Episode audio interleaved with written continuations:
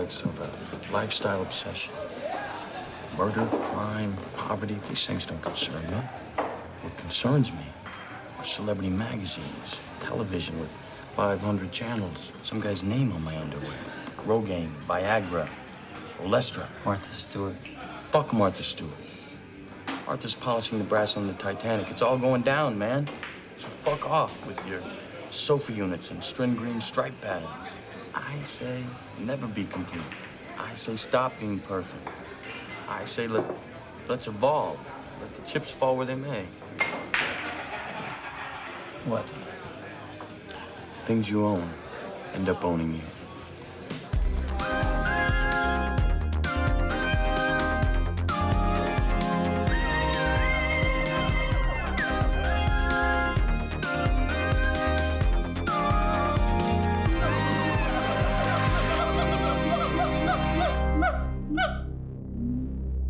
Välkomna till podden Apans anatomi. I dagens avsnitt ska vi prata om män, manlighet, om hur män mår, mäns situation i samhället och eh, könsröstandet som har blivit i Sverige. Vi, för några avsnitt sedan tog vi och gjorde en valpodd och pratade om att det stora skillnaden i röstlandskap nu är mellan kvinnligt och manligt röstande. Det, det kan man se som den stora skillnaden. Så jag har gått upp till föreningen Mäns lokal och med mig har jag Shahab och Elis. Och jag brukar låta mina gäster presentera sig själva, vilka de är. Så ni får säga några ord om er. Oh, vem är jag? Det är det där, vart, vart ska man lägga den liksom? Är det, är det vem, vem jag är eller min titel liksom som är jag heter Shahab Ahmadian. Jag är väl typ journalist i grunden, men sedan ett år tillbaka är jag ordförande för organisationen Män. Jag, väljer, jag heter Elis Larsson och jag väljer nog att svara på som mina yrkestitlar. Jag har mm. två olika jobb fast på samma arbetsplats. Och det ena är som föreningsutvecklare på, på Män och det andra är, eh, vi är en del av ett internationellt nätverk som heter Men Engage. Så jag är nätverkskoordinator för Men Engage Europa. Mm. Jag måste erkänna att jag, jag har ju haft vänner som har jobbat på män och ändå har jag liksom väldigt dålig bild av liksom hur män har uppkommit och hur det har finansierats och liksom vad syftet med män är. Så vad, vad är män? Vi man kan säga att vi mobiliserar män mot våld. Vi jobbar mot mäns våld och jobbar med maskulinitet och har gjort det sedan 93. Och det gör vi på olika plan. Dels via liksom våldspreventiva utbildningar som vi har, men vi har också en röst i den offentliga debatten kan man säga, där vi driver kampanjer och sådär. Vi är del av internationellt nätverk inom de här frågorna. Och vi jobbar också med en stödverksamhet i så direktkontakt med unga. Det var liksom den kompakta paketeringen. Mm. Vill du fördjupa något? Nej, det var bra. Men är det Stockholmscentrerat eller finns det i hela landet? Och kan man gå med i män och liksom vara med? Mm. Vi är medlemsrörelse. Det är det som är mitt jobb, ett av mina två jobb då. Eh, så det, vi har ungefär 20 lokalgrupper från Luleå till Malmölund eh, över hela landet. Så, eh, och en del av dem har anställda, men de flesta är, består bara av någon, någon enstaka person eller några enstaka personer. Eller ett så här, gäng på 10-12 personer som arrangerar filmkvällar eller samtalsgrupper eller så. Liksom. Så det gör man som medlem i män. Mm. För när man tänker på mansrörelse så blir det ju naturligt att man kopplar åt liksom vad ska man säga, högerhållet eller antifeministiska hållet eller något sånt. Eh, Men ni verkar ju liksom ändå i någon slags jämställdhet och en feministisk tradition om att omdefiniera mansrollen. Så här. Är ni ensamma på det här fältet eller vad är det för miljö som ni verkar i så att säga? Vad är... Alltså vi har väl varit ensamma i det fältet. Att jag tror att vi är ändå, vi är ändå sprungna ur inte helt sprungna ur eh, liksom jämställdhetsfältet och kvinnorörelsen, men ändå med stöd av jämställdhetsfälten och kvinnorörelsen har vi väl fått någon form av legitimitet. Om, om man tänker så här att vi har haft det här samtalet sedan 93. Mm. det, det är liksom, då var det ju inte så mainstream om, om man tänker så, att prata om manlighet. Alltså var vi bara tio år sedan så var vi rätt knasiga, de där snubbarna som pratar om manlighet. Vad har det med saken att göra? Det är väl en kvinnofråga. Liksom. Och sen så tror jag, jag tror att någonting hände runt metoo efter metoo, där någonstans. att Det gick inte, gick inte längre liksom att förneka och helt plötsligt lyfte samtalet och blev mainstream. Och då började alla göra sin egen tolkning av det. Liksom. Och att det fanns kanske då en känsla av att, så här, att jämställdheten hotade manligheten. Så då kanske det startade en, startades nya grupper där man liksom gick åt ett annat håll. Och, och det, är ändå, det är fortfarande nytt ändå. Alltså som män har vi börjat, precis börjat luska i att vi är män. Vi har inte ens behövt tänka på det innan. Mm. Um, och, och det, jag vet inte, jag tänker så att det är spännande ändå att de samtalen sker. Även om de sker åt ett annat håll så är det liksom bara att vi har fått ett, igång ett samtal bland män om manlighet är ett steg i rätt riktning. Liksom. Mm. Jag håller med om att det är någonting som har hänt liksom senaste åren som är liksom någon slags förstärkning av den här rörelsen. Att den har ju bara blivit starkare och starkare. Och man skulle också liksom vilja skriva historien ännu längre än, än när vi bildades som organisation. Och omkopplade till 1970-talet också. Liksom, hur, hur männen frågade sig vad, vad är mansrollen alltså i, i relation till feminismen. Liksom. Och om, hade också samtalsgrupper och sådana saker. Liksom. Jag tänker också att vi har ett arv från på något sätt. Liksom. Mm. Men sen, ja men det var någonting med din fråga. Jag tänker hur, hur ensamma vi är, är vi de enda som gör det? Så en bild jag har i alla fall av män, alltså organisationen Män i Sverige, är att eh, vi också har fungerat som en liksom inspiration eller som en motor för, för både individer och andra organisationer som jobbar på liknande sätt. Så jag tänker till exempel på Locker Room Talk som jobbar med, med fotbollsspelare och i liksom omklädningsrummen och har så här som små snabba, snabba workshops. De är liksom inte kopplade till oss men de har gått utbildningar hos oss och fått den här liksom populariseringen av genusvetenskapen har de fått. Eh, av via oss har jag uppfattat det som i alla fall. Liksom att, att vi har varit en viktig motor i att lyfta fram de här perspektiven. Och en annan liksom, sätt vi inte är ensamma på är att det finns liknande organisationer över hela världen liksom, som mm. jobbar på liknande sätt och som vi samarbetar med. Så det är en ganska tydlig, liksom, ja, men en tydlig gemenskap, eh, en, ja, men idégemenskap. Mm. Fatta, fattar man och hur, hur har kopplingen varit Finns någon? Det var så jag kom in i, ja. i, i jämställdhetsfältet. Alltså jag, kom, jag kom ju från någon helt annanstans. Liksom. Det, så att det, det, var, det var det första som, där jag blev involverad. Och män var en av så här, en av eh, projektägarna tillsammans med Fatta och Make Equal.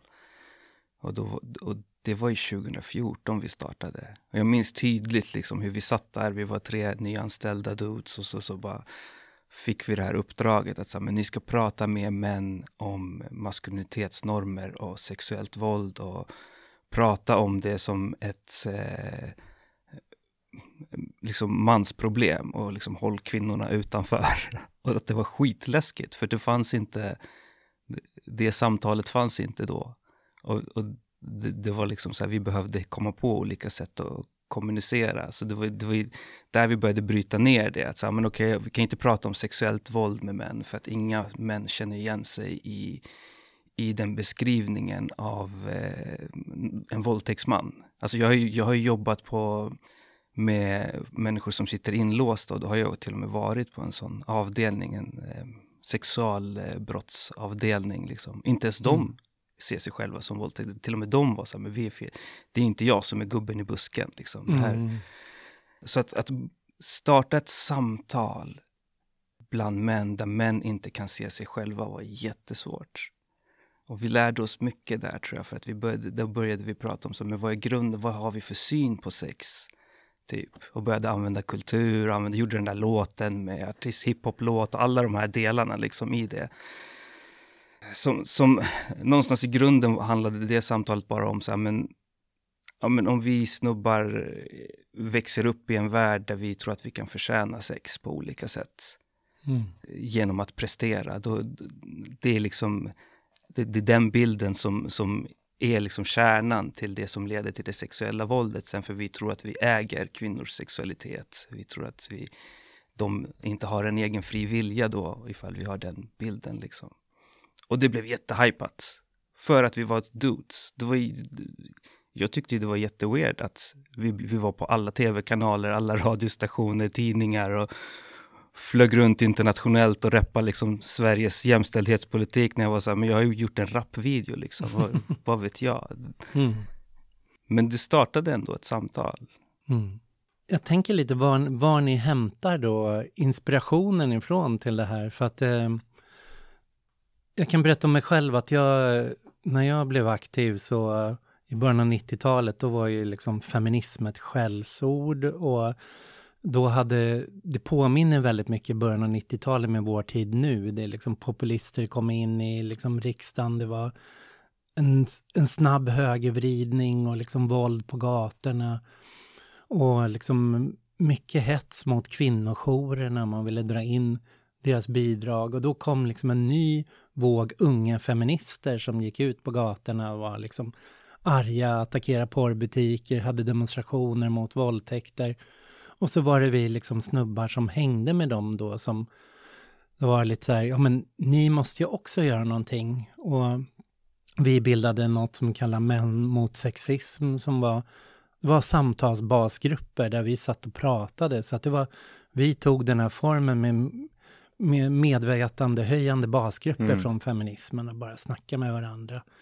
Och sen vet jag efter det kom en grupp som hette Mansvar och det var de var också kopplade till en förening som var ute, Revolt, som var ute och pratade mycket i skolor om, om könsroller då liksom. Men vi, det vi fick göra var ju liksom, vi fick ju också ett rätt stort tryck på det. Ni ska läsa, ni ska, it's not our job to educate you. Ni måste liksom ta reda på det här själva, läs det här själva.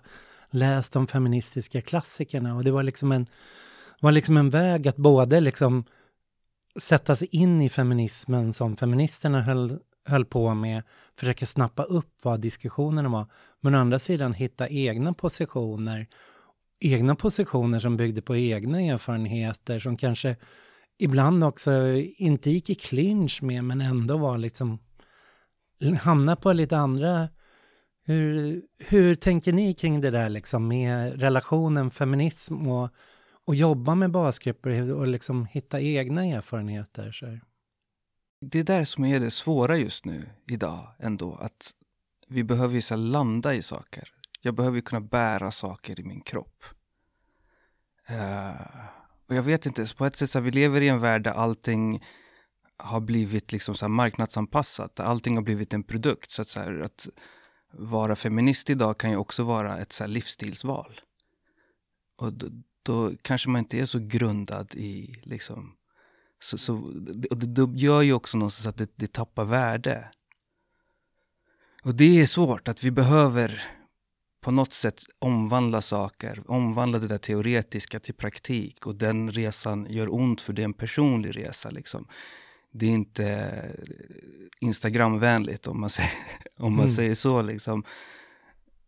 Och i det där så upptäcker vi massa saker, hur, hur man anpassar. Jag, jag, tänker att när jag kom in här att jag var tyst hela första året. typ. Jag bara var tyst, jag bara lyssnade. Och sen mm.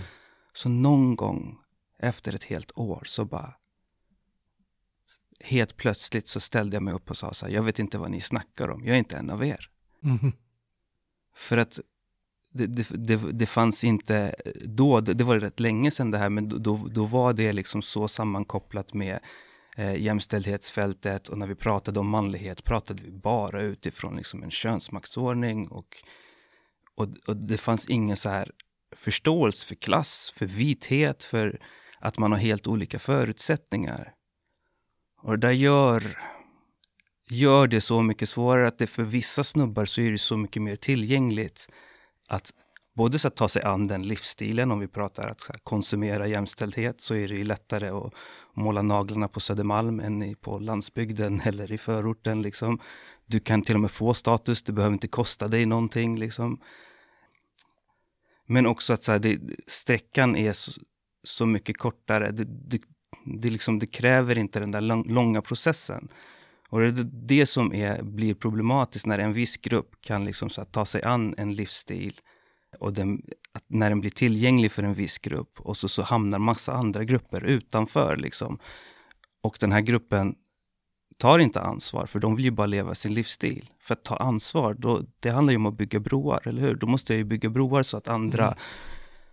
kan få möjlighet att ta en del av det här. Då behöver jag erkänna alla andra grejer som finns. Att säga, just det, ja, men du utsätts ju för rasism också. Du har, alltså att man, du har svårt att få ihop cashen till hyran, att man har massa andra grejer man brottas med som kanske är mer primära i ens egna liv, där man säger, ja, jag behöver känna så här att du stöttar mig och därifrån kan vi bygga en bro till att jag vill engagera mig och vara en del av det du gör. Liksom.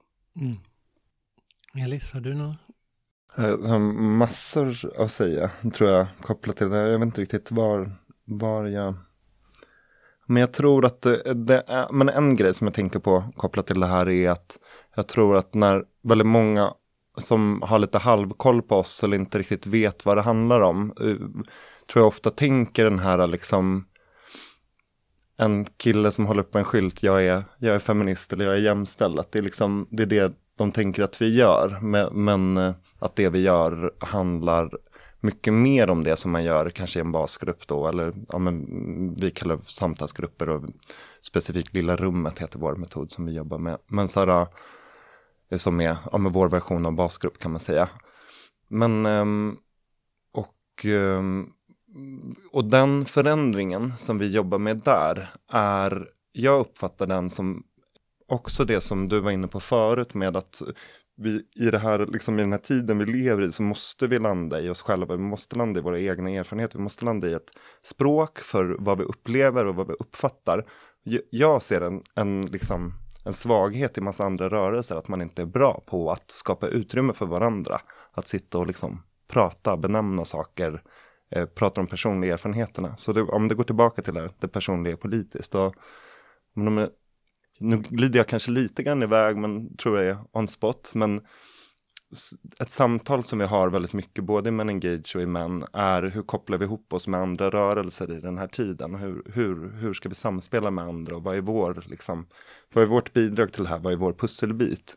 Och för mig så ser jag just nu att det är en av våra liksom, pusselbitar, att vi är bra på att liksom, prata om det strukturella och om det personliga och att se att det är två olika saker ibland måste man få bara stanna i det personliga. Ibland måste vi ha rum där vi bara får vara i det personliga liksom.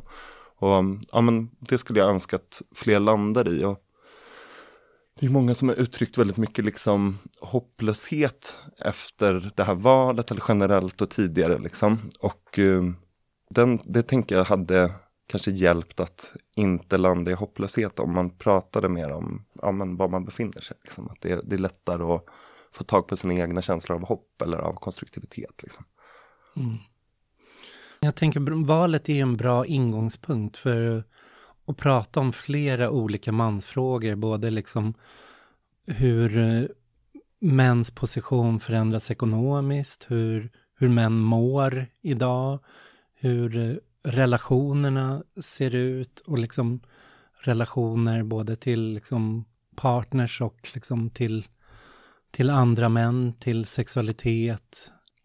Så det finns flera, flera ingångspunkter där. Men jag tänkte bara en, en grej lite, vilket område är det egentligen ni arbetar på? Var är det ni når män? Är det liksom unga män med problem? Är det liksom, ni berättade om det här locker room och att det är de i omklädningsrummet på, på gymmet, så här, skolungdomar eller är det också äldre män eh, som har sina problem eller är det liksom byggjobbar killar i LO-kollektivet eller vi har um, ja, men, den här papparörelsen som fanns för några år sedan med frånskilda män som har, där det är väldigt lätt att det går liksom i en aggressiv riktning liksom mot, mot fe, feminism mot kvinnor. Liksom. Så vi, Alltså det roliga är att exakt alla du nämner jobbar vi med på ett eller annat sätt. Det är min, min bild, alltså exakt specifikt, verkligen, all, alla de här målgrupperna. Um, och sen liksom kvantiteten i det skulle kunna vara mycket mer massiv än vad den är. Men, men vi tar in de erfarenheterna och är, rör oss i de erfarenheterna. Så det är ja, mitt svar. Vad gör ni med de olika då? då? Men det kanske är lite skillnad på att, att vi kanske kan se lite trender på vilka som väljer att engagera sig i vår rörelse. Att då kanske det är en ja, men mer så här medveten skara liksom män som hittat, någon, hittat någonting i det här eller är intresserade. Och det, det, det är någonting annat liksom. Men när vi är ute och möter men i utbildningar så är vi överallt. Jag har ju träffat folk alltifrån att ha jobbat med poliser, har jobbat i anstalter, har jobbat eh, ute på eh, bruksorter, i förorten, i, i riksdagen. Det, det, liksom så att det, man kan ju föra det här samtalet på alla, allas nivåer, alla nivåer i samhället och med alla olika, liksom, olika grupper av män. Mm. Men det, han, det, handlar om att här, göra det på rätt sätt då, bara. Att vi inte ska komma ut i någon form av, så här, men i ett, med ett vetande. Mm. Tror jag är viktigt. Att, att vi mer har metoder för att skapa samtal att, och försöka få män i olika sammanhang och förstå liksom hur det berör deras liv.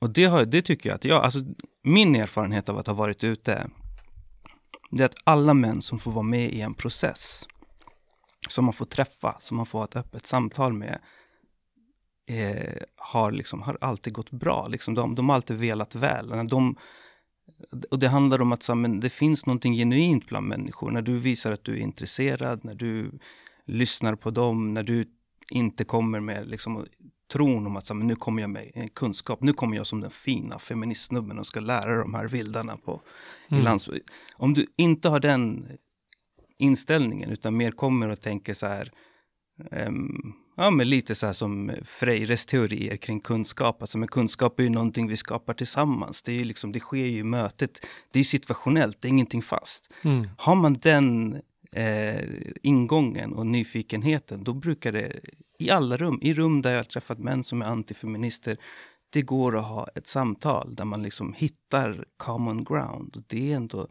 det, är det som är vägen framåt. En gång har jag varit med om att det har gått dåligt. Av alla, under mm. alla år, en enda gång. Och det var när jag skulle, jag skulle utbilda alla manliga poliser i Järva, alla Järva. Mm.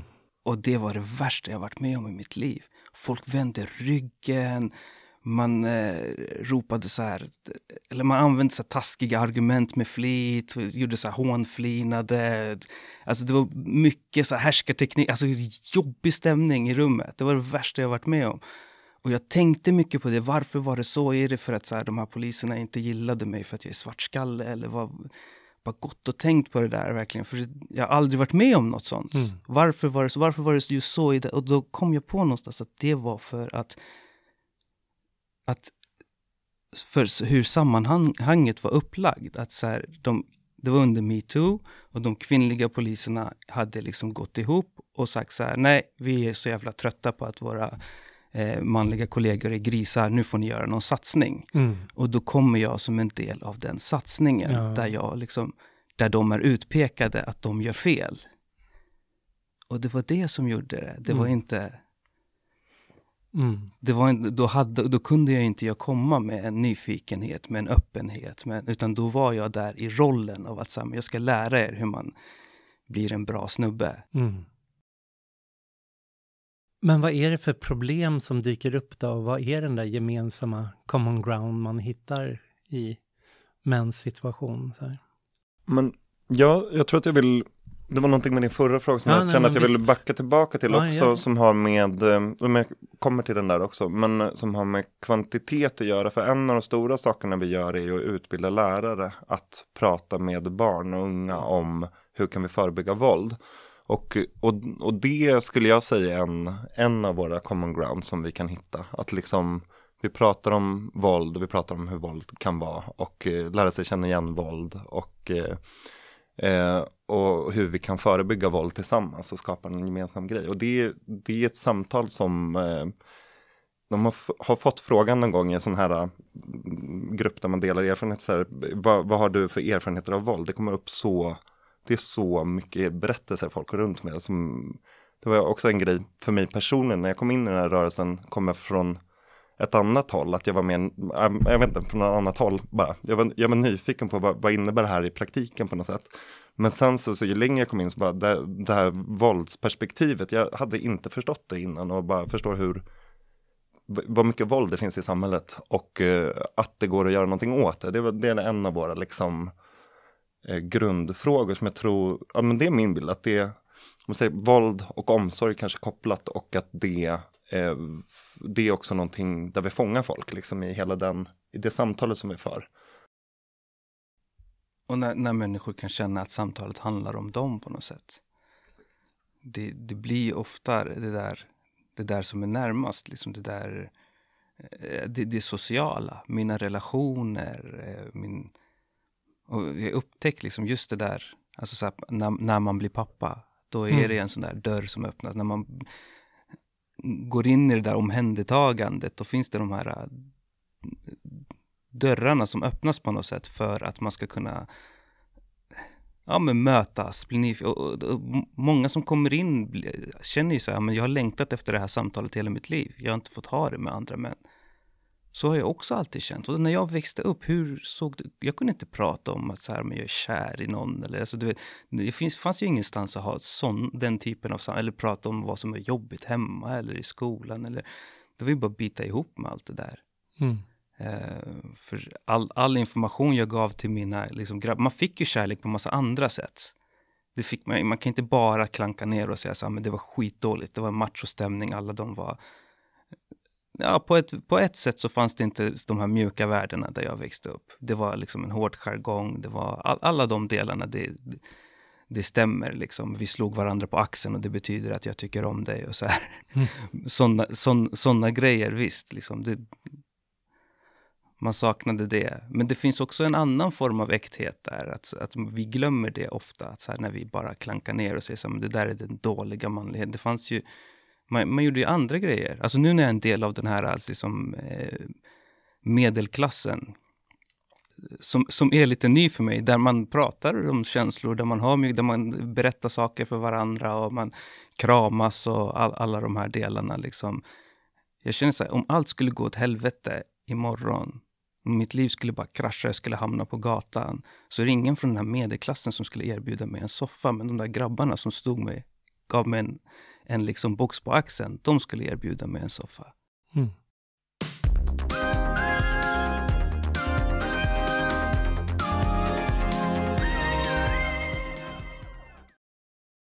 Jag tänkte Marcus Priftis som är författare och han är ju lite kopplad till män. Han har ju varit medlem hos er och jobbat med projekt. Han, han skrev en bo, eller han skrev en text eh, 20 år efter Susanne Faludis bok Ställd kom.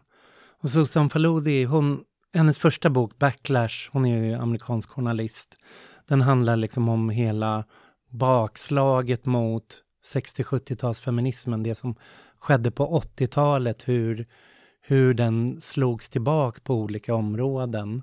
Och sen skulle hon göra en uppföljning av det, där hon ville undersöka men hur de såg på sina privilegier och sin makt och hur den makten utövades över kvinnor. Och när hon gick runt och pratade med män, hon intervjuade flera hundra män och läste mansforskning och så, så såg hon eh, mer att det var liksom alienation, folk som mådde dåligt, att det var liksom de talade inte som vinnare, de talade inte liksom som några som eh, satt i en privileg privilegierad position. Liksom. Och det blev boken ställd och Marcus när han lyfter den då 20 år efteråt, för han sa att det blev en ögonöppnare för honom som fick honom att liksom byta spår också när som, som en man kunde koppla sina erfarenheter till ett feministiskt projekt och förstå att feminismen har någonting att berika män och ta itu med mäns problem och män som löser sina problem är en enorm resurs och tillgång för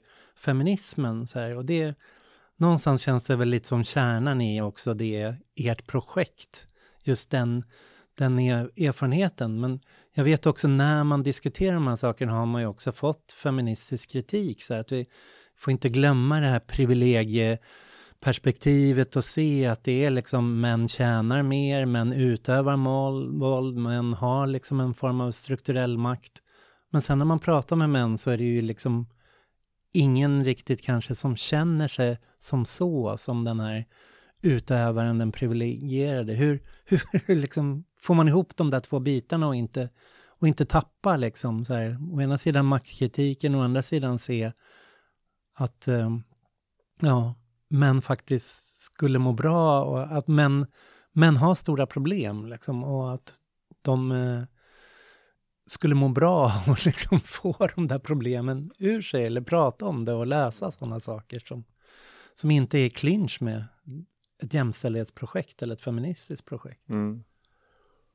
Ja men det finns så olika, det finns, alltså det finns olika sätt att gå in i det. Dels genom så här, det finns teorier om eh, att så här, alla framgångsrika de mansrörelser som bygger mm. på feminism och ja, men bygger på den här relationen till kvinnorörelsen och på den här maktanalysen liksom, som, som vi står i. Att de måste kombinera ja, men det du lyfter, maktordningarna eh, och att män då har den här utsattheten. Alltså män har en högre utsatthet för ja, självmord och den typen av saker. Eh, men också eh, ha mer kunskapen om att män har helt olika villkor. Att man måste ha liksom alla de tre grejerna på samma gång. Så om mm. man liksom om man bara går in i mäns utsatthet och inte har något fokus på hur andra människor har det som inte är män eller som inte är vita män. Så det blir, det blir ingen bra rörelse av det. Liksom. Så, så den liksom, det finns som en diskussion att det är som en spänning mellan de där tre som man behöver röra sig i. Och sen så kommer jag att tänka på en, eh, ja, en tänkare eller workshophållare som heter Nontokoso Sedibe som pratar om eh, rank, jag vet inte riktigt hur man översätter det till, till, um, till svenska status typ. Så här, att man har olika, förutom privilegierna man har, så har man också kopplat till det så har man olika status beroende på om man är i ett rum och så vidare. Liksom, och man kan ha formell status eller informell status. Och, ja, men, in, intersektionell analys egentligen. Liksom. Men det som hon lyfter som är så spännande, eh, som jag tycker har med det där att göra, är att alla har en så här, en läggning att se sig själv utifrån sin lägsta status när man tittar på alla andra. Mm. Så, så, och det tror jag förklarar ganska mycket av de här frågorna. Jag, det finns liksom andra svar också, men så när, när jag liksom tittar på världen så ser jag mig själv som någonstans känslomässigt, nu, nu bara freebase jag men typ som en lillebror. Eller känner mig som en tonåring som inte får några tjejer fast att jag är 30 år och har, är välbetald och, eller välbetalt jobb och liksom framgångsrik. Och, men man har kvar den där känslan av eh, mindervärde någonstans liksom. Underdog-perspektivet. Ja. ja, men och den finns fast, fast privilegierna finns liksom hela tiden. Att det... Ja, men det är för att de, de, de, de hänger väl samman också. Att så här, om, om, jag kan, om jag kan liksom berätta historien om mig själv utifrån en, ett underdog-perspektiv, då kan jag också rättfärdiga mina privilegier. Eh, ja, så det där är, och, och att så här, ja, på, på, din fråga, att så här, ja, det ena tar ju inte ut det andra. Det är det som blir, det är därför liksom det intersektionella som Elis var inne på blir så viktigt, för att då, då får man någonstans också en förståelse för att så här, men flera sanningar kan ju så här samexistera. Mm. Eh, män kan ju sitta på ett, en maktposition i ett patriarkat samtidigt som man kan vara utsatt utifrån massa andra maktordningar. Massa, och, och med de verktygen får vi också på något sätt möjlighet att, att eh, förstå liksom massa mekanismer. Alltså att, att man kan förstå just när vi pratar om status till exempel, att, men att ta makt och status kan man göra på så många olika sätt. Att jag kan ju ta makt med min plånbok liksom, eller med min hudfärg, eller med mitt jobb, eller med min utbildning, eller med mitt efternamn. Det finns så många olika sätt att ta makt på liksom. Men, eh, och, och ofta, inte alla gånger, men många gånger de som inte har några andra verktyg att ta makt med, eh, har liksom bara liksom våldskapitalet och sin manlighet kvar. Mm. Det, det, det rättfärdigar inte så dåliga beteenden och sexism och så, men, men vi behöver ändå förstå de här mekanismerna om vi vill liksom jobba, i, jobba med det. Jag skrev en artikel om det för några år sedan som, som Nina Björk sen använde till en DN-krönika där filosofen Spinoza skiljer på två olika maktbegrepp, så här, makt att och makt över. Mm. Att det, du kan ha mer, eh, alltså en högre status och mer möjligheter att gå före i kön till saker, att få tillgång till det utan att egentligen kontrollera själva klubben du ska in på, så att säga. Du har inte makt över klubben, men, men du glider före, som vit eller man eller så, glider du före i den där kön. Och det är ju liksom en status och privilegiekritik är, kan vara väldigt bra för att liksom synliggöra just vilka glider före, hur positionerar sig folk i den här liksom statusordningen så. Men att man ibland missar det här liksom makt över, att det och där, det är ju så också kanske många också män eller vita eller så kan känna sig maktlösa och försvara sig när de får kritik för privilegier. Så här, ja, men jag har fortfarande inte makt över det där. Liksom att det, de känner sig kanske inte som, som den vinnaren, även om de har fler fördelar än andra. Så.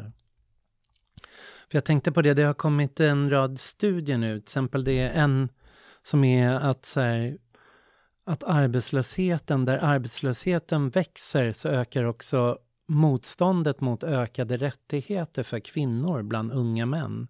Göteborgs universitet som, som släppte och där man... Eh, jag tänker det vore intressant att prata lite om det just här, liksom mäns ekonomiska position och hur det relaterar till vilka värderingar de har och hur de röstar och de ser på kvinnor. För att du kan ju vara privilegierad men tappa status och vara på väg ner. Och du kan vara liksom utan privilegier, underprivilegierad, men samtidigt vara på väg upp att liksom få status. Och även om du har kanske högre lön som man eller liksom bättre arbetsvillkor eller vissa bättre förutsättningar så är du på väg neråt, känner att din tillvaro rasar och så ser du andras stiga uppåt så så kommer du ju få liksom en uppfattning om att de får det bättre, vi får det sämre och det här Ser man det som ett nollsummespel så kommer liksom den ilskan kanske riktas åt det hållet. Mm. Hur, hur ser ni på liksom de, de här liksom mäns ekonomiska position, mäns position på arbetsmarknaden och liksom utifrån hur de ser och tycker kring saker? Jag vet jag blir så sjukt frustrerad. Jag vill skrika så här, lyft blicken för fan. vill jag säga. Ja. Att så här, vart är det vi riktar vår blick? Vart är, vilka är det vi ser som, eh, som fienden, som den som tar någonting ifrån mig? Är det jämställdheten? Är det kvinnor? Är det andra liksom grupper av män? Alltså, det, det, det är som att så här i liksom någon form av hopplöshet där man inte tror på förändring, där man inte vågar liksom så här skjuta högre så vänder sig utsatta grupper mot varandra istället för att backa upp varandra och förstå att så, men vi alla tjänar på det här. Tillsammans har ju vi makten. Om vi kommer överens och vi vill att det ska gå bättre för oss alla, då kan vi, då kan vi nå den förändringen, för det är vi som har makten. Det enda som hindrar oss från att nå dit, det är de här småspelen. Att vi liksom hugger mot varandra, ut, olika utsatta grupper. Varför är det ingen som liksom om du är sur över att du inte får något jobb, varför blir du inte sur över eh, bankdirektörers löneutveckling för? Varför riktar du inte samtalet dit? Jag vet inte, sorry att jag men, men någonstans blir det så här, det är sjukt frustrerande. Så här, har vi fastnat i ett samtal som inte leder någonstans? Mm. Men det är kanske då att de ser att det finns en diskussion om att höja kvinnors löner, höja kvinnors status. Det finns liksom handlingsplaner kring det, medan de ser att men det är ingen som bryr sig om oss män på det sättet. Det är väl så de motiverar liksom någonstans. Om man är, apropå ställd, det var ett citat jag kollade på innan, jag vet inte om det är relevant för diskussionen, men Mm. då säger Susan Faludi, nu på engelska, by casting feminism as the villain that must be defeated to validate the central conceit of modern manhood. Men avoid confronting powerful cultural and social expectations that have a lot more to do with their unhappiness than the latest sexual harassment ruling. Så att, och det jag kanske tar fasta där är väl liksom, koncit det betyder väl liksom lögnen eller upp, uppfattningen liksom. Alltså att det här, uh, och det blir på något sätt ihopkopplat eh, med, eh, jag kanske snurrar iväg, vet inte om det, kanske måste klippas bort. Men, men så här, um, det är någonting med, eh, ja men var man riktar energin helt enkelt. Alltså var man riktar sin kritik, att man riktar den mot, mot eh, ja, men feminismen istället för, eller mot jämställdheten istället för mot sam samhället liksom, mot Mm. systemet. Det intressanta med den här undersökningen också att den var gjord i så här 27 EU-länder och där då ser man att det är tydligast mellan så här män i åldern 18 till 29 år i den grupp som är störst som tycker liksom som instämmer i påståendet om att jämställdheten har gått för långt och att eh, ser att de själva förlorar på jämställdheten. Och ju äldre män blir desto mindre instämmer de med det påståendet. Så, här, så, att, så att just uh, unga män verkar se sig som mer missgynnade på, på det ekonomiska planet på det sättet. Men det har ju med normerna att göra. Att, att vi är ändå liksom uppväxta med att alltså med manligheten har ju vissa, vissa normer som vi behöver leva upp till. Och vi behöver leva upp till att vi ska vara framgångsrika, att vi ska prestera, alla de här delarna som är mycket svårare för unga. Alltså många äldre kanske, ja men man har sitt jobb, man eh, äger sin bostad, man eh, har sin familj, man har en annan form av trygghet så man känner sig inte hotad. Medan unga män kanske står inför så många val och kanske känner en form av hopplöshet så att de känner att ja, men det där hotar mig, det där hotar kanske det enda jag har kvar. Min manlighet är det, det, det enda jag har kvar någonstans. Ja, och det där är sjukt svårt, jag vet inte. Vad, vad handlar det om? Handlar det om att, att en känsla av också att så här, vi håller på att förlora kontrollen? När det finns så mycket att välja på. Helt, helt plötsligt, vi har ju liksom strävat mot ett, ett samhälle där, där valfriheten ska vara liksom så här jättevärdefullt, men på något sätt har den liksom tagit makten över oss. Att nu, nu, nu, nu är det så, nu, nu känner man att man håller på att drunkna i alla de här valen.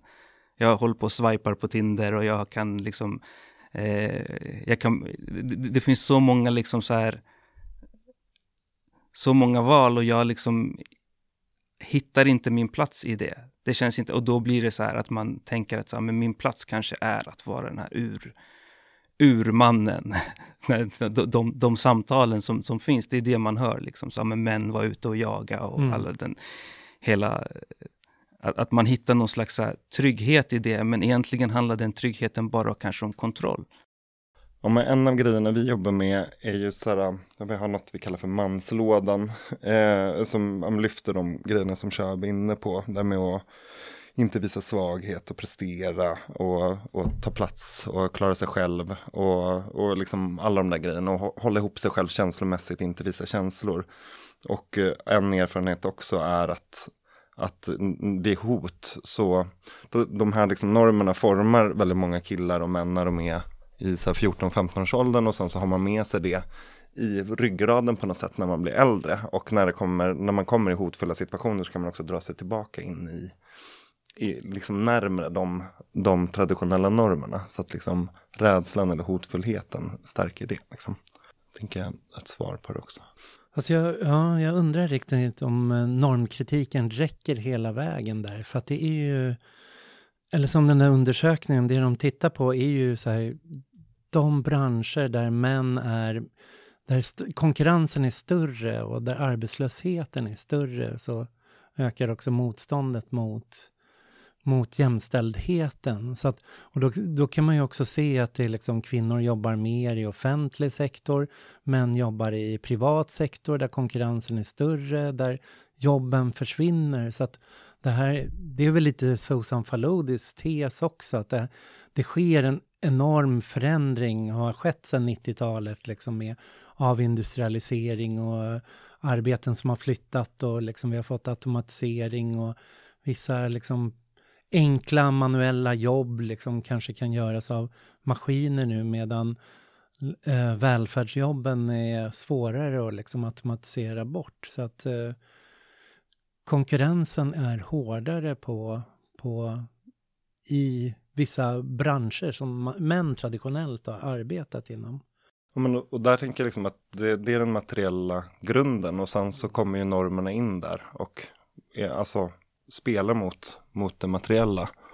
Så, så föreställer jag mig det som. Och att så här, det är då man får de här responserna, det är en del av pusslet i att det kommer, så liksom att den här kritiken kommer. Mm. Liksom.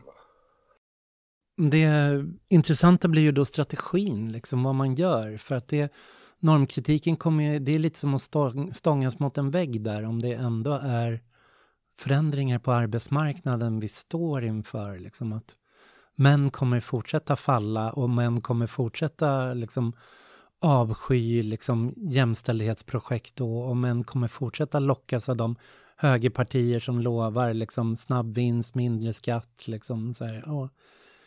Kan du berätta om din... Eh, för jag tänker det här går lite i, i, in i din debattartikel du skrev i Aftonbladet. Ja. Det var idag den publicerades. Ja, Men, kan du berätta lite om liksom, bakgrunden till den och hur du tänkte där? Ja, nej, jag har suttit och lyssnat på, på Twitter har de ju så här samtalsrum nu som är, du skriver inte bara utan det fungerar lite som Clubhouse gjorde, att det är, det är pratrum och lyssna på de här Sverigevännerna efter valet just över den här de pratar inte som vinnare, att de har vunnit valet och nu ska de genomföra sin politik och liksom det blir bra, utan det är snarare liksom det här Nietzsche-begreppet med resentiment, att man har varit utsatt för en kränkning, blivit illa behandlad och nu vill man få sin hämnd, få ge igen. Det är inte bara att man vill bli erkänd att man har, har behandlats på det här sättet, utan det ska ges tillbaks och det, det är mycket diskussion om liksom eh, hur sossarna har liksom förstört samhället. Jag trodde det skulle vara mycket mer så bittra sossar som hade blivit smårasister ungefär, men det är, det är snarare sossehat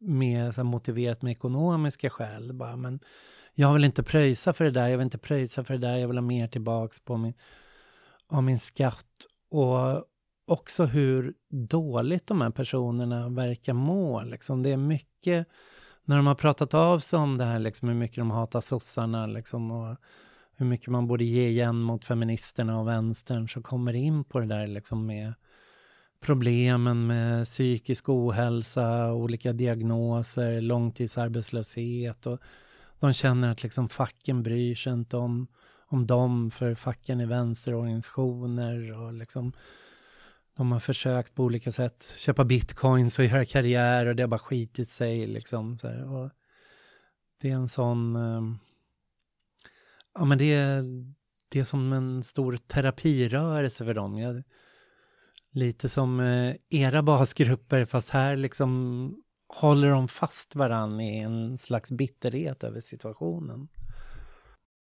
Men det där är spännande någonstans för att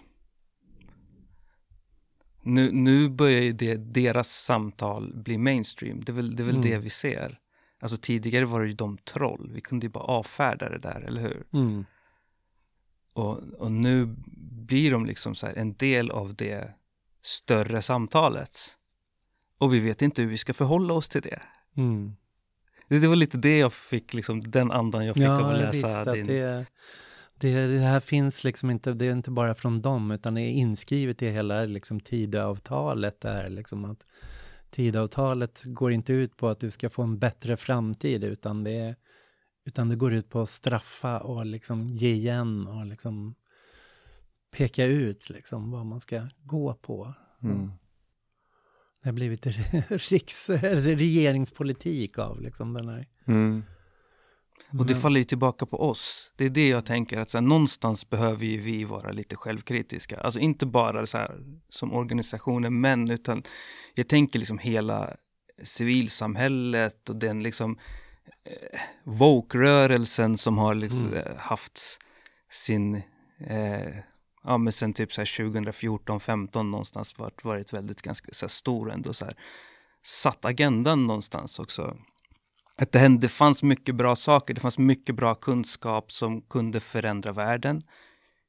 Det, men men det, problemet var ju att så här, men vi, vi sitter fast i våra teorier på något sätt. Vi kunde aldrig omsätta saker i praktik hela vägen. Och det kanske handlade också om att så här, vi vill ju också ha lite makt, eller hur? Jag får ju lite makt med de där fina orden och de där fina teorierna och nu kan jag ge igen. På samma sätt som du upptäckte att så här, men nu vill de ge igen på sina forum, liksom, så var ju min, min första, så när jag började lära Mm. mig så här, antirasism, det var ju för att så här, men jag ville bara, längtade bara till att någon skulle så här, utsätta mig för rasism igen, så hade jag alla de här orden och teorierna och sätta dem på plats, du vet. Så Mm. det bottnade i en ilska, liksom. det handlade inte om att förändra. Det var liksom Mm. mitt, på samma sätt som man eh, kan liksom eh, ta makt med sitt så här, våldskapital eller någonting som man, så hade jag, använde jag de här bra teorierna, de här bra tankarna Mm. liksom. Och att vi, vi sitter fast i det där. Någonstans är det väl kanske också vårt fel för att vi har exkluderats. Vi har inte bjudit in till ett samtal. Vi har satt agendan och sagt så här, ska det vara. Och nej, nu använder du fel ord. Mm. Och nu ska vi straffa dig för det. Du ska bli cancellad, vi ska, vi ska hänga... Vi, vad är det för... Är det så vi ska nå en förändring? Det är inte, alltså en förändring når vi genom att här, skapa samtal där vi kan komma överens. Där vi övertygar våra medlingsmotståndare om att vår väg är rätt väg att gå. Alltså vi kan ju aldrig liksom skrämma och hota folk till tystnad och tvinga dem till att bära våra teorier, för det också handlar bara om teorier och då har vi ingen känsla för att så, men alla människor vill inte tänka, alla människor vill inte förstå och lära sig de här teorierna. Vissa människor vill bara göra Mm och det har vi glömt bort. Mm, jag vill också nog lägga till för att jag har liksom en kritik mot så här normkritiken som, som metod eller hur, hur, mycket kan, alltså hur mycket ska man förlita sig på det liksom. Och, eh, och där skulle jag ändå säga, alltså jag tycker den är relevant, det är en väldigt relevant diskussion att ha, och det du lyfter in. Och det är så att liksom det finns väldigt mycket kraft om man, om man med det också menar liksom samtal och koppla ihop människor och att liksom skapa skapa ett lugn med varandra så finns det också väldigt, väldigt mycket kraft då och hitta bara i det som inte ja, är i det materiella utan det som vi har direkt kontroll över genom, ja, men, genom att träffa varandra, prata med varandra, frå, fråga frågor och så vidare. Liksom.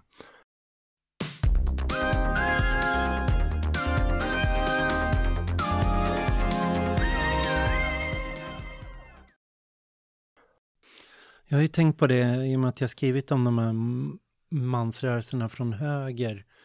Just att det är alla sådana högerextrema rörelser någonstans är reaktiva. Att de, de kan vara rasister, men vilken var de är rasister mot? Det kan ändras från år till år. Det kan vara romer eh, som sitter och tigger ena året, nästa år är det muslimer, sen är det eh, marockanska gatubarn eller liksom flyktingar från Afghanistan och Syrien och liksom vilket som ses som det stora hotet. Det, det förändras hela tiden liksom beroende på världsläget, liksom vad de ser är det centrala. Och det är samma med de här um, jämställdhets, eller vad ska man säga, jämställisterna kallar de sig av, men de här mansrörelserna, att de, de speglar någonstans också den tidens feministiska strömningar, att det de första men som kom på 70-80-talet, de, de hämtade ju lite som en spegelbild av radikalfeminismen. Och Radikalfeminismen kunde vara väldigt polariserad och prata om det finns det manliga, kvinnliga, liksom. Män är aktiva, privilegierade, kvinnor är passiva, liksom. Och de hade samma retorik, men de bara liksom vände på det, liksom såg att det här var inte något dåligt, utan det var nog, var nog bra att det var så. Och sen så för när hela den här Vogue-vågen var som störst, då hade vi ju de här Perström och Pelle Billing, jämställisterna och de, de var ju väldigt mycket inne på um, skilda män som offer. Det var inte, de tidigare, de var männen är starka krigare, liksom ska, vi ska hitta tillbaka till den här urmanligheten du pratade om, liksom ut och trumma i skogen, läsa Jung och hitta de här arketyperna liksom. Medan eh, Per Ström och Pelle Billing, de vände på alla feministargument, statistik och såg så här vad, ja, men män mår så här dåligt psykologiskt, män har så svårt med de här, får de här jobben eller, eller tappar lön eller drabbas hårdare av arbetslöshet, drabbas hårdare av depression. De fångas inte upp av liksom vården på samma sätt när det gäller depression liksom, och såg sig som den förtryckta gruppen i samhället och där blir de här papparörelsen en del av det. Liksom att, ja, men det är kvinnor som får vårdnaden i den största delen av vårdkonflikten och då såg de en konspiration bakom det. Att det var liksom feministiskt influerade institutioner som gjorde det så. Och nu när jag har suttit och läst om de här nya mansrörelserna så är de, det de söker väldigt mycket är eh, manlig gemenskap. Att de känner sig väldigt så här, ensamma, det är liksom incelsmän som har problem eller män som mår dåligt och då måste det finnas ett brödraskap, mannaförbund, att liksom de här männen du kan inte få något stöd av kvinnor och använder du av kvinnor som stöd så gör du fel eller, eller så blir du liksom en svag sojaman utan männen måste hitta sätt att liksom backa varandra och lyfta varandra och liksom det att det ska, man ska leva i en slags manlig värld och det är också ett annat sätt att tänka. För där är ändå, jag tänker det, det ni gör är ju ändå liksom skapa de här nätverken för män som hjälper män och ni måste ju ändå stöta på de här rörelserna. De är ju väldigt så här självhjälpsinriktade, det är mycket, man kan gå kurser eller liksom det bygger på eh, lite som new age-teorier om personlighetsutveckling, liksom hur du ska, genom det här kan du bli framgångsrik och liksom du kan mäta din framgång i liksom hur många utsugningar du får av din fru per vecka liksom, eller av, nej, hur många avsugningar du får av din fru per vecka liksom, att det, det ska liksom vara sådana det, ja, men det, det, det rimmar väldigt väl med så här, nyliberalt marknadstänk, hur du skapar den lyckliga mannen liksom, genom att bygga dig själv som person. Men den här kollektiva dimensionen har kommit till nu. Att, så här, oavsett om det är Alexander Bards manskurser när de dansar kring någon mans stor liksom, träkuk eller något sånt så handlar det om att män ska backa män. Liksom. Finns det något där eller är de liksom Ja, men, men första bara, den, den kollektiva dimensionen, men en kollektivitet som också utesluter liksom. Det, mm. det är en, det, de vill ju inte ta in erfarenheter av, alltså den kvinnliga erfarenheten om man tar det. Nej. De vill inte, jag, jag, är inte expert på de rörelserna, men jag uppfattar inte att de liksom heller tar in, vad är rasism eller hur, hur funkar det liksom. Så, så det är ju en, det är en, de skapar sam, en gemenskap, men en gemenskap, ja men jag tycker den är, den, det här är min bild, jag tycker den är förljugen. Det blir liksom en låtsas, det blir en slags låtsasgemenskap om man inte kan erkänna vad finns det för smärta, vad finns det för trauma, vad fin alltså det går inte att skapa en riktig gemenskap mellan, mellan människor. Så. Och um, ja, så, så, om jag fantiserar om en gemenskap, en större gemenskap så tar man ju in då lyssnar man ju på varandras erfarenheter liksom. Mm. På, på djupet och tar in alla liksom. Mm. Det här är ju väldigt så inriktat på en diskussion om att bilda stammar, att det ska vara mm. stammar och liksom ha sina egna, men jag har försökt prata med några vänner som är i den här svängen och liksom gör just det här, som mm. är ute och trummar i skogen och liksom med, med andra män och så, men i mitt sammanhang så jag jobbar ju väldigt mycket med stöd, omvårdnad, gemen, skapa gemenskap, men det är alltid blandade grupper grupper. Liksom, och att det, jag tycker det är en styrka att det är de här blandade grupperna också som man hjälper varandra i. Men det, min, mina vänner jag brukar prata med, de är bara, men mm. det är omöjligt, det här går inte. Liksom. Du måste ha män runt omkring dig, annars kan du inte bli en bra man ja. själv. Så. Alltså, det finns ju en kraft, tycker jag, om den här manslådan som jag pratade om förut, eh, lyfter fram. Alltså, jag, det finns en kraft som jag tycker att vi använder oss av, som jag kan bara föreställa mig att den kan vara lite lik. Att så här, vad händer om man eh, samlas med massa andra män och så säger man att så här, nu ska inte vi konkurrera med varandra utan nu får ni komma som ni är. Och jag, jag föreställer mig att de använder sig lite grann av den kraften. Den har ju vi också, att det är så här, att folk Mm. kommer in i våra grupper och bara, Uff. alltså typ axlarna åker ner och ja, man pustar ut för att bara, "G- kan, jag, kan det få vara så här? Typ, kan det, kan det, ja, kan jag få koppla av från det här konstanta liksom, tryck eller konstanta hotet liksom. Och det kan jag tänka mig att det är en av grejerna de, de liksom eh, attraktiviteten, någonting som kanske liknar oss lite grann på det sättet Mm. liksom. Mm, mm, Men jag tänker också att det, det är väl liksom så här en, också en effekt av den så här extrema individualistiska utvecklingen att vi, vi söker vår stam. Mm. Um, alltså tillhörighet är sjukt viktigt. Och vi kan hitta det i helt så här, olika grejer. Vissa hittar det i, liksom, i religiösa sammanhang. Vissa hittar, alltså bara, man, behö, man behöver känna tillhörighet på något sätt. Liksom. Eh, Och, och manlig gemenskap är ju någonting så här ändå ja, men lite så här tabu tillhörighet, är det inte det? Att om man tänker så här, men för manlig gemenskap får bara finnas i destruktiva former liksom. Vi får, Mm. vi får ha, ha, vara liksom så här, heja på samma fotbollslag eller liksom lite, lite den typen av, och det, det finns en längtan av att bryta med det där. Och det, på det sättet tycker jag det, det är bra liksom. Att det finns det, det, vi vill ju också gå mot det kollektiva, att män vågar prata med män på ett sätt. Och vi, jag tror att så här, när jag, jag har också tittat på de här rörelserna lite och jag tänker ändå så här, men de gör mycket bra. Alltså, och de gör mycket rätt också. Mm. Det de främst gör rätt är att de utgår ifrån liksom så här mäns välmående. mm, Som vi är lite dåliga på. Vi, vi är lite mer i, i, i det här med, så här, med 15 kvinnor per år blir snittmördade. Och liksom, det, det är inga män som vill bara, så, fan jag vill inte vara en del av det där. Det är inte Mm. jag som mördar. Mm. Jag tyckte Istället de för... om, i början av det samtalet pratade de om våld. Jag bara, vi, vi engagerar folk i att prata om våld och, det, och det, det gör vi, men det är ja, men kanske inte det första vi säger. Liksom. Nej. Jag kommer tänka på det. Och, nej men, äh, istället för att så här, men också erkänna de grejerna som finns. Att det här handlar ju om, jämställdhet handlar ju om mäns välmående också. Mm. Alla de, de här, vi har ju massa siffror på det också. Så här, sju av tio självmord är män. 90 procent av människor som sitter i fängelse i befolkningen män. De flesta som eh, har problem med alkohol och droger eller hemlöshet. Alltså det finns ju så många sådana här. Så, så det, det är klart att så här, vi behöver ju också säga så här, men vi kan ju också bryta med alla de här grejerna genom att förändra manligheten. Vi kan ju också välja en manlighet där vi mår bättre.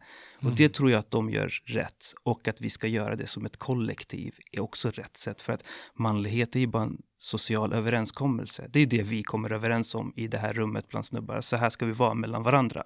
Det betyder också att det är vi som har makten att förändra det tillsammans. Mm. Och vi ändrar den överenskommelsen mellan oss. Liksom. Men jag tror att den stora skillnaden bara liksom, mellan oss och de alternativa mansrörelserna, det ligger i grundanalysen och den är inte så här tydlig hos dem. Så att i det man hör ut från oss kanske kan kännas som så här, oh, jag vill inte vara en del av, de pratar om problemet liksom och så, så lyssnar man på dem och tänker så här, men de har ju bra, de vill ju mig väl, de pratar om mitt välmående. Men så går man inte längre in, in i så här, ja men vad är det för teorier bakom? Vad bottnar vissa grejer i? Och ofta när man liksom så här, så blir det väldigt tydligt att så här, men det finns många gånger ett kvinnohat som, som ligger där under, som inte syns. Men liksom för den som har ett, ett tränat öga kan man läsa det. Det finns också så här, ja men jag tycker så här typ när jag läste Jordan B. Peterson att ur många aspekter så är han ju briljant liksom i här självhjälps... Han verkar Mm. vara en skitbra psykolog och vet alltså hur hjärnan fungerar. Gör de här grejerna så mår du bättre. Och så, så gör man det i sitt liv och så märker man, men det är klart jag mår, ja men det är klart. Liksom, så här, det kan ju, kan ju en vanlig coach också säga till dig. Mm. Men sen när du läser boken och förstår, så här, men hans hållning är ju typ så här darwinistisk. Det är liksom så här starkast överlever, mannen ska sprida sin säd. Liksom, det, Mm. Då blir det så här, nej men vill man vara en del av det där? Är det det här jag vill tro på? Vi har ett samtal i organisationen om liksom, om det här, var, var står vi nu, eller liksom hur, hur, hur jobbar vi med killar då till exempel, som är ganska mycket hur, och med fokus på relationer. Att, att bejaka det positiva med relationer och bejaka det positiva med att lära sig mer om relationer och bli bättre på relationer och vinningarna man kan få av det. Så, här. så för mig är det ihopkopplat med det här att det är liksom, eh, det handlar inte bara om mig själv utan det handlar om mig själv tillsammans med andra och att så här, förstå hur Uh, alltså det är så jag, mm, om man skulle sälja in det, så här, lär dig få en flickvän, gå med i organisationen män mm. typ. Eller lär dig få en kompis, gå med i organisationen män, ha, ha mer och bättre sex, gå med i organisationen män. Om man ska liksom hårdra det. Och vi har jävligt stort motstånd mot att liksom börja paketera oss sådär. Men, eh, men liksom, det är väl det som vi kanske skulle liksom, om man behöver kolla på lite närmare, om man ska vara, jag vet inte, vara lite närmare um, det, nå, någonting insäljande liksom. Mm. Och skillnaden då mot dem är ju det här relationsskapandet. Mm. Liksom. Ja, jag är ju förvånad över att liksom i de här extremhögerpoddarna plötsligt pratar de om känslor. Mm. Det är män som pratar mm. känslor med varandra. Mm. Kan det, vara, det kan bli riktigt mörkt och djupt mm. och barndomshistoria. Så har de all, aldrig varit förr. De har alltid varit krigare och vinnare. Och mm. liksom, Sjukt ja, spännande ja. Eller så. Ja, både spännande och oroande för att det är ju, jag tänker, där borde vi vara mm. på ett sätt. Men jag tror att det är deras framgång. De har identifierat den här att vi har män som upplever känslan av att falla. Och för dem är det också väldigt viktigt det här männens känsla av att vara utsatta för brott. Liksom. Där är ju en central del för dem, att de tycker att liksom, invandringen har medfört att det är liksom för ungdomsrån, förnedringsrån och då är liksom har, har liksom den svenska mannen, svenska pojken blivit villebråd liksom. Så att det är det ena och det andra är liksom att eh, svenska killar liksom inte får tjejer. Liksom. Så, att då, och att är, så då har de pekat ut att det är invandring och feminismen som är problemet, att du mår dåligt och att du inte kan leva ditt liv. Så att de adresserar ju någonstans att killar mår dåligt, men lösningen, den fiendebild de har skapat, det är ju där problemet är och vad, vad liksom vi skulle behöva kontra med något annat. Frågan är om vi ens har en fiendebild liksom att ge där och sen säger det enda vi kan gå och göra så här, jo, du mår dåligt, men det är inte kvinnorna som är fienden. Det är inte invandringen som är, gör att du känner dig rädd och utsatt. Liksom, så här. Det, mm. Man behöver kanske också säga så här, erbjuda någonting och säga, men det här kan du göra, så här kan du ta ansvar, så här kan du må bättre, men det finns också en motpart, eller det finns några som så här, varför ser samhället ut så här? Varför ser arbetsmarknaden ut så där? Men de drar aldrig de där ekonomiska konsekvenserna av det. Mm. Ja, men jag tänker det och, och fråga, fråga män hur, hur det är på smarta sätt. Och, och alltså vad, så vad, vad, tänker du på? Hur är det? Alltså ställa de där frågorna. Nu, nu pratar jag inte som en metod utan mer liksom en approach. Att, att eh, alla behöver fråga egentligen varandra överhuvudtaget. Men, men om man pratar om det här som ett svar på det här, fråga män mer eh, och killar. Hur, hur, hur är det? Vad tänker du på? Vad, vad händer? Och vad, försöka skapa relationer. Det, det tänker jag är ett av svaren liksom. Och det går ju att bygga rörelse kring det tänker jag också. Mm. Vi brukar ju säga just att så här, vårt, vårt förhållningssätt måste vara mjuka mot individen, hårda mot strukturen. Mm. Så att jag tror att det finns någonting där att möta.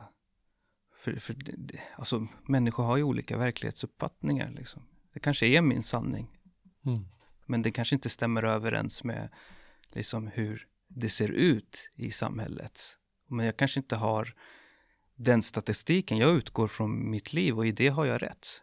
Men och många, och många hamnar i kläm. Alltså det, det, det, är klart att det finns ett system där, där det kan ske fel och där det, man kan hamna i kläm. Och så, och sen, men man kan inte använda den individuella erfarenheten för att beskriva världen.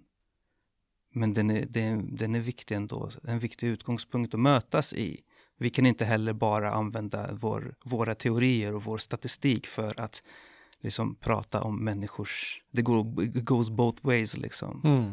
Om vi ska knyta ihop den här diskussionen lite nu. Nu har vi pratat i över en timma. Så framåt då? Nu har vi en tydlig könsuppdelning när det gäller röstande. Vi har unga män som väldigt tydligt går högerut. Vi har löneutvecklingen har för första gången på 14 år börjat vända och löneklyftorna ökar mellan kvinnor och män. Så um, frågan är liksom, vi har liksom fyra år av ett eh, högre högernationellt styre framför oss som både försöker liksom banta ner, minska institutioner, ge sig på genusforskning, ge sig på um, folkbildning. Så vad gör, vad gör vi nu framöver då för att vända den här utvecklingen? Ni har ju sagt massor med bra, bra grejer, men om ni har några så här sista ord som... Oh. Men alltså det är det absolut enklaste egentligen. Att bara våga lyssna på varandra. Våga skapa samtal där vi kan mötas. Våga eh, liksom bära våra mm, tankar i, i det praktiska, i vardagen. Att tillgängliggöra det för andra. Att, det är så väldigt basic grejer, men vi, alltså, vi behöver liksom kliva ner från våra moln liksom, på något sätt. från våra luftslott och börja bli aktiva igen på marken. Det är det jag tror vi har tappat lite. Det är det jag kan också känna att så här, ja, men att många, just under den här perioden så har många hört av sig och varit så här, men nu måste du ta liksom, avstånd från SD. Och så här, och jag känner så här, nej men jag pallar inte, jag vill inte det. Jag är så trött på att vi ska ta avstånd från saker hela tiden. Det, än en gång, att gå tillbaka till det där, alltså, men hur förändrar vi? Vi förändrar genom att övertyga våra meningsmotståndare. Och, och börja värdera det gemensamma, det sociala liksom. Eh, så som man bygger en rörelse. Det är det de har gjort. Alltså, man kan, det är klart att vi, vi kan liksom så här, sitta och analysera vad de gör för fel, men vi, kan också, vi behöver också titta på vad de gör rätt. Mm. Och där de gör rätt, det är att de har ju använt den alltså, klassiska folkrörelsemetoden. De är, alltså SD är en riktig folkrörelse. De inkluderar. Alltså jag är inkluderad i att gå med i SD för att exkludera min egen kropp. Mm. Alltså inte det är helt fantastiskt. Medan vi, vi har ett inkluderande innehåll, eller hur? Men i praktiken så exkluderar vi. Tycker du inte så här får du inte vara med. Du sa fel ord, jag cancelar dig. Du... det är väldigt hård jargong och vi behöver så här, tillgängliggöra. Vi behöver börja lita på människor. För att det är så vi skapar förändring. Förändring skapar vi på marken och det har vi glömt bort. Mm. Well said. Ja, nej, men jag har också eh, kände att jag hade ett slutord. Det var det jag var inne på förut också, men det vi har lärt oss från, från fem, feminismen, eller vi tillhör ju feminismen också, men sådär, den feministiska rörelsen, men det vi har lärt oss att eh, det personliga är politiskt och att skapa utrymme för det, att koppla det personliga till det politiska, det är så jävla viktigt det, det, går inte att liksom un, vet du, överskatta det. Man måste börja göra det hela tiden. Ska, avsätt någon halvtimme på ditt politiska möte för att liksom prata om det personliga. För det, det är så vi hittar motivation, det är så vi får tag på när vi mår dåligt och det är så vi kan börja drömma också. Mm. Ja. Jag får tacka för samtalet. Tack.